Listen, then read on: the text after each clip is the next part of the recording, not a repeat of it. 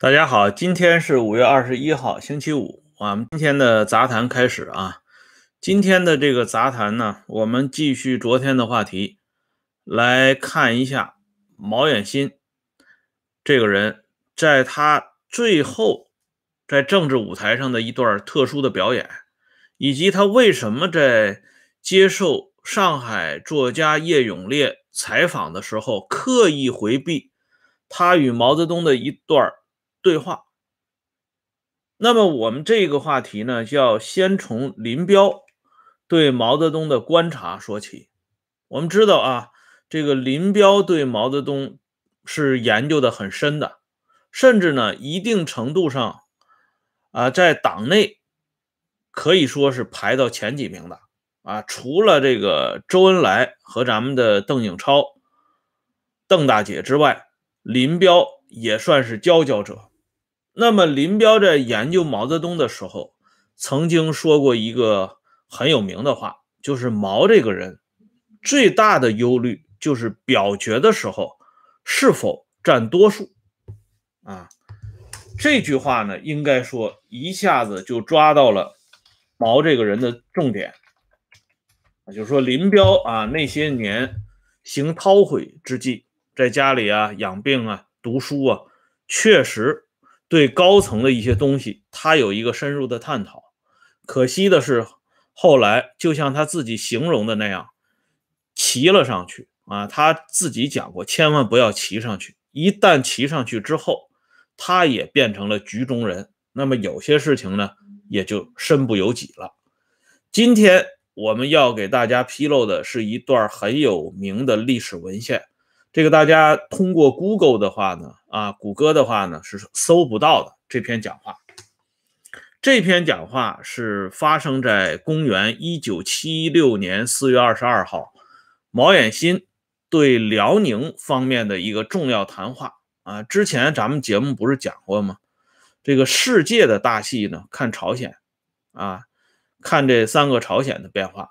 那么中国的大戏呢，主要就是看这个。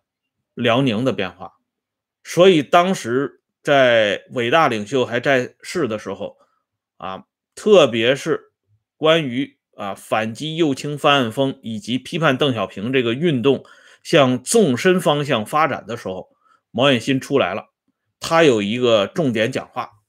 从这个讲话当中呢，我们可以看到三个层次，一个呢是毛远新谈到。关于批邓这个问题，特别是毛远新提到一个事情，就是说去年感到天时地利人和都不利，地震发大水，加上邓小平搞复辟，在路线上我们受到了邓的影响，在某些方面也不要低估了。哎，就是说到了第一次无无产阶级文化大革命。即将进入尾声的时候，像毛远新这样的当年的小闯将、小干将们，也意识到天时地利人和是朝着对他们不利的方向在发展。这里边呢，特别提到了1975年的这个发大水的事情。这发大水大家都知道是那个河南的那个水库的事情。这是毛远新在内部讲话里专门提到的，这是第一个层次。第二个层次，毛远新讲到，就是这一次啊批邓，如果不是主席发动反击右倾翻案风的伟大斗争，我们能顶下来，鬼才知道呢！啊，这是毛远新讲的原话，因为这篇讲话已经送交毛远新审阅，并且得到他本人的批准，也就是说。这篇讲话记录稿是如实的反映了当时毛远新说的原话。毛远新说的这番话呢，也向我们昭示出来，当时这个文革的阵营当中，唯一的啊擎天柱就是咱们的伟大领袖。如果没有伟大领袖的号召和支持，这场反击邓小平的斗争是不可能开展起来，也不可能坚持下去。他们有顶不住的架势了，这是第二个层次。那么第三个层次呢，毛远新说了，对反革命、对打砸抢者要坚决镇压，这是主席的话啊，就是说无产阶级专政在具体表现形式上，伟大领袖做出了重要的指示，而且这个指示呢是长期管用、长期有效的。通过这三个层次的讲话。我们可以清楚的看到，在伟大领袖行将就木之际，马上就要进入嗝屁状态的时候，啊，毛远新他们这些人又是一个什么样的状态？这个时候呢，他们一则以喜啊，就是说把凳呢已经搞下去了；一则以忧，伟大领袖的身体啊状况确实大不如前了，而且一旦伟大领袖撒手西去，他们能不能顶住右倾翻案风的疯狂反扑？这个恐怕都是一个悬念。那么接下来的，我要给大家展示的这两封信里边，就集中的反映了毛远新的这种忧虑。毛远新从一九七五年啊做这个联络员，到后来他被捕，这个时间有一年多一点的时间吧，啊。在这一年多一点的时间里，他在毛泽东身边还是学到了一些东西，但是学的不够彻底啊。比如说刚才的这封信啊，我给大家展示的刚才的这封信里边，毛远新两次提到领袖，固然啊，他是在提振士气方面是需要把领袖搬出来，啊，压得住阵脚嘛。但同时，也是暴露了领袖的火力。示人以弱啊，因为主帅是不应该轻易露面的。这种事情如果换做恩来同志，通常不会这么表达的。周恩来在文化大革命当中有两段话是非常精彩的。一段话呢，当老同志们。对这场运动提出质疑的时候，周恩来经常讲的一句话是：“有主席掌舵，你们怕什么？”这一句话就让老同志们哑口无言。啊，伟大舵手那不是随便叫的，这是应对老干部们。那么应对年轻的这些小将们，周恩来还有一段话。主席看着你们成长，你们都是在主席的培养下成长起来的，不要辜负主席对你们的期望。哎，这样呢，小将们浑身就充满了干劲儿，深受鼓舞。这两段话都有主席，但都没有把主席直接抬出来。哎，所以从毛远新的讲话。和这个周恩来的讲话一经对比，高下立判。那么接下来我们再看毛远新对他的这些喽啰党羽们，啊，这这么一个信啊，这是毛远新在一九七六年九月二十二号给宗明兰等人的回信。这是这里有一个小组啊，首先呢啊，就是表达对大家对他的关怀的一个回应。关键的这个话呢，是在第二段和第三段。第二段呢，他提出来要认真的研究斯大林去世之后，赫鲁晓夫怎样上台的历史教训。啊，要化悲痛为力量，继承主席的遗志，把无产阶级革命事业进行到底。第三段呢，毛远新提出自己今后工作的安排。他说：“这个主席走了以后啊，他的这个小传令兵就申请归队，他的岗位在沈阳，估计会得到批准的。到沈阳的时候，大家再见面。只是这个时候啊，毛远新万万没有想到，半个月之后，他的工作岗位换了，不在沈阳了，而在秦城了。啊，但是毛远新这里强调的两条，一个是研究赫鲁晓夫上台的历史教训。”再一个是继承主席的遗志，把无产阶级革命事业进行到底，很快得到了响应。这个响应是谁呢？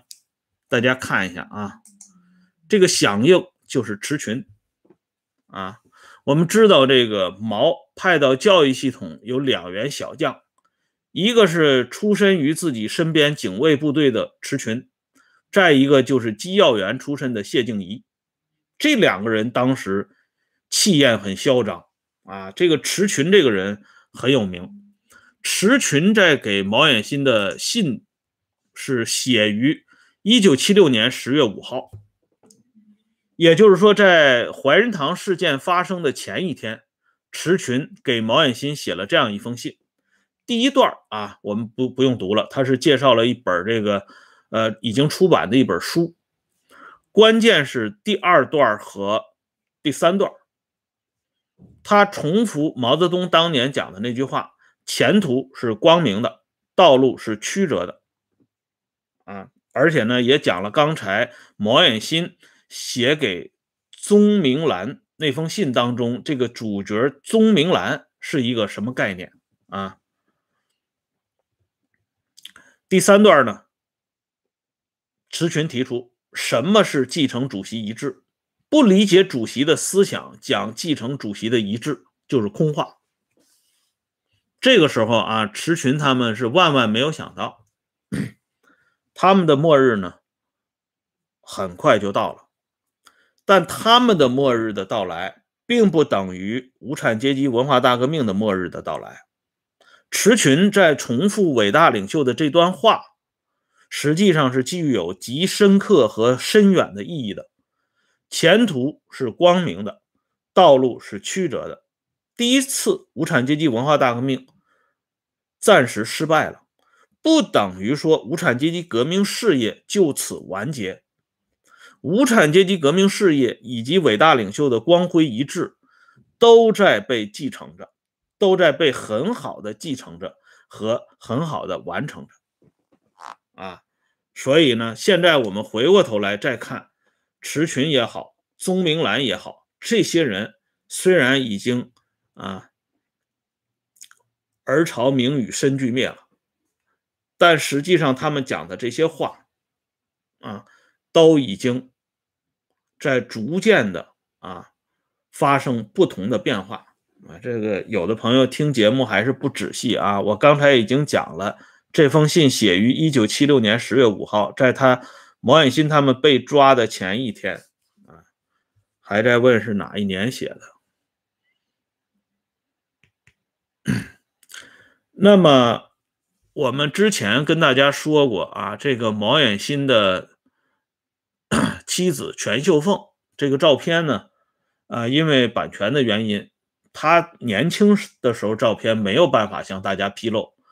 但是有一张呢可以公开的，就是全秀凤女士中年的照片，这是毛远新和全秀凤居家的这个照片。还有一张呢，就是毛远新和全秀凤。晚年的照片，围绕在毛远新和全秀凤身上呢，一直以来有一些谣传。这些谣传，说实话啊，啊，都是子虚乌有啊。这一点呢，在一九九一年七月份的时候，叶永烈在走访毛远新的时候，毛远新本人做了一个重点的澄清。这个谣言呢，主要是两块，一块呢是说。当初全秀凤与毛远新结婚的时候，上海市革命委员会副主任王秀珍以保卫高干家属为借口，专门批示给了一套豪华的住宅。啊，这个传言是不准确的，因为一九九一年七月份，叶永烈在走访毛远新的时候，毛远新住的。不是什么宽敞的新房子，而是一个只有十三平米的小屋子。所以毛远新当时半开玩笑的说：“你看看眼前的这个房子，就是所谓的宽敞的新宅子啊，十三平米而已。”啊，这是一个传言。还有一个呢，就是说当时上海市委市革委批了六千块钱给毛远新和全秀凤结婚作为费用。毛远新说：“啊，我们从来没有拿过六千元人民币。”这个消息呢也是假的。啊，这里呢，叶永烈在他采访手记当中对外界予以澄清。那么，在叶永烈采访毛远新之前，叶永烈还采访了另外一个著名人物。这个人叫什么呢？他叫流沙河，他是很有名的一位诗人啊。前一段时间呢，老先生已经去世了啊，我还专门做了一期节目，表达对老先生去世的哀悼。这老先生呢？是很有名的啊，他呢是在一九五七年被打成右派，以后呢长期受到磨难，晚年呢写了很多东西面世。一九九一年五月份啊，叶永烈在采访流沙河的时候，流沙河谈到历史上他为什么被打成右派，这个过程呢，简单跟大家说一下。就是说，流沙河惹祸的是他的一首诗集啊，是一首诗，叫《草木篇》。这个《草木篇》当中有很多小诗、小段的诗啊组成，其中惹祸最狠的是这么一段诗。这诗的题目叫《独君》啊，诗呢是这么写的：他说，在阳光照不到的河岸，他出现了；白天用美丽的彩衣。黑夜用暗绿的磷火诱惑人类，然而连三岁孩子也不去理睬他，因为妈妈说过那是毒蛇吐的唾液。啊，这是流沙河写在《草木篇》里的这首诗。这首诗惹了祸了。为什么惹了祸了？因为他这个题目就有问题。这个“独君”的“君”，它跟君主的“君”。是一个音，所以当时有人附会说：“啊，流沙河所谓独君，就是独君啊。”我说的后边的这个“君”就是君王的“君”，而这里边呢，啊，所谓什么用这个呃美丽的彩衣诱惑别人啊，呃晚上又怎么怎么怎么样，完全是一种影射。更重要的是，他最后那句话，说是毒蛇吐出的唾液。我们知道，伟大领袖和革命导师，他是属蛇的啊。这诗居然说毒蛇吐出的唾液，这还得了？所以呢，这首诗啊，以及这个草木篇，成为流沙河获罪的主要原因。那么，流沙河在接受叶永烈采访的时候，他说起了这么一段往事。这段往事呢，我跟大家简单说一下。流沙河说，毛泽东有一次啊，在跟他的侄子毛远新游泳的时候，谈过这样的话。他说：“不会游泳，喝几口水就学会了。”刘少棠在一九五七年喝了几口水。指这个作家刘少棠，在一九五七年被打成右派，学会了游泳。那个流沙河不吸取教训，不会游泳，沉到河底去了。这是流沙河老先生本人对叶永烈说的一番话。那么叶永烈当然要向毛远新求证了啊！而且这个时间过了才两个月，叶永烈的复述也不会出现错漏。可是关键的是毛远新的这个态度。叶永烈的手记《初遇毛远新》这篇文章里是这么回忆的：他说，我问毛远新，毛泽东是否跟他说过这么一段话？他笑了起来，他说他已经记不清楚了。不过主席讲话确实是很幽默的。毛远新对这么关键的一段谈话。避而不谈，罔顾左右而言他，但是他也露出了一点东西，那就是主席的讲话是很幽默的。哎，这是挺有意思的啊。从这个话里边呢，我们就可以看到一点东西出来。毛泽东究竟讲没讲过这番话？我相信大家心知肚明。那么毛远新为什么要回避这段话呢？因为毛远新担心，如果落实了这段话，恐怕就要拔出萝卜带出泥，牵扯出另外两个关键人物。的结局的深层次的原因，这两个人物是谁呢？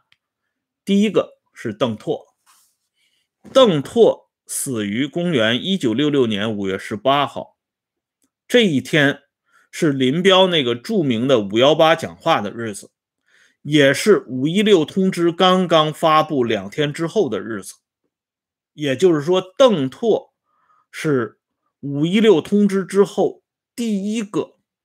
啊，高级领导干部自尽身亡的人，大家都知道啊。邓拓获罪的是这本书，叫《燕山夜话》，但实际上，邓拓真正获罪的理由，不是写了这么一本小册子，也不是说他跟啊吴副市长啊，跟廖沫沙他们之间过从甚密，联合写文章，而是另有原因。曾彦修老先生晚年这本访谈录当中，向我们透露了一点真实的情况。邓拓的自尽身亡，跟这个人有直接的关系——秦始皇。因为邓拓在研读有关秦始皇方面的历史的典籍的时候，对秦始皇不够恭敬，不够尊重。并且呢，对秦始皇的一些反面的东西圈圈点点，以至于后来啊，由此给邓拓增加了一条非常可怕的罪名。这个事情呢，我们稍后会在汪东兴的系列里边给大家详细的解说。而跟邓拓同病相怜的，也是死在。关于秦始皇这个话题上的另外一个重要人物，就是毛的秘书田家英。这两个人的死因其实都是一样的，啊，那么整个邓拓和田家英为什么脚前脚后都选择了那样一条路？这个呢，我们在汪东兴的系列里边会给大家详细解说。那么这个节目啊，关于汪呃，关于。毛远新的这个话题的节目当中播出之后呢，有一部分网友提出了一个事情，就是毛远新的女儿李丽，她的这个残疾是先天的还是后天的？有些朋友颇感兴趣。这样呢，我们明天在讲张春桥婚恋史的时候，会给大家专门提到。欢迎大家届时收看和收听。今天的节目呢，我们就说到这里。感谢朋友们上来支持和收看，欢迎大家关注“温相说时政”会员频道，周一到周五每天都有更新。再见。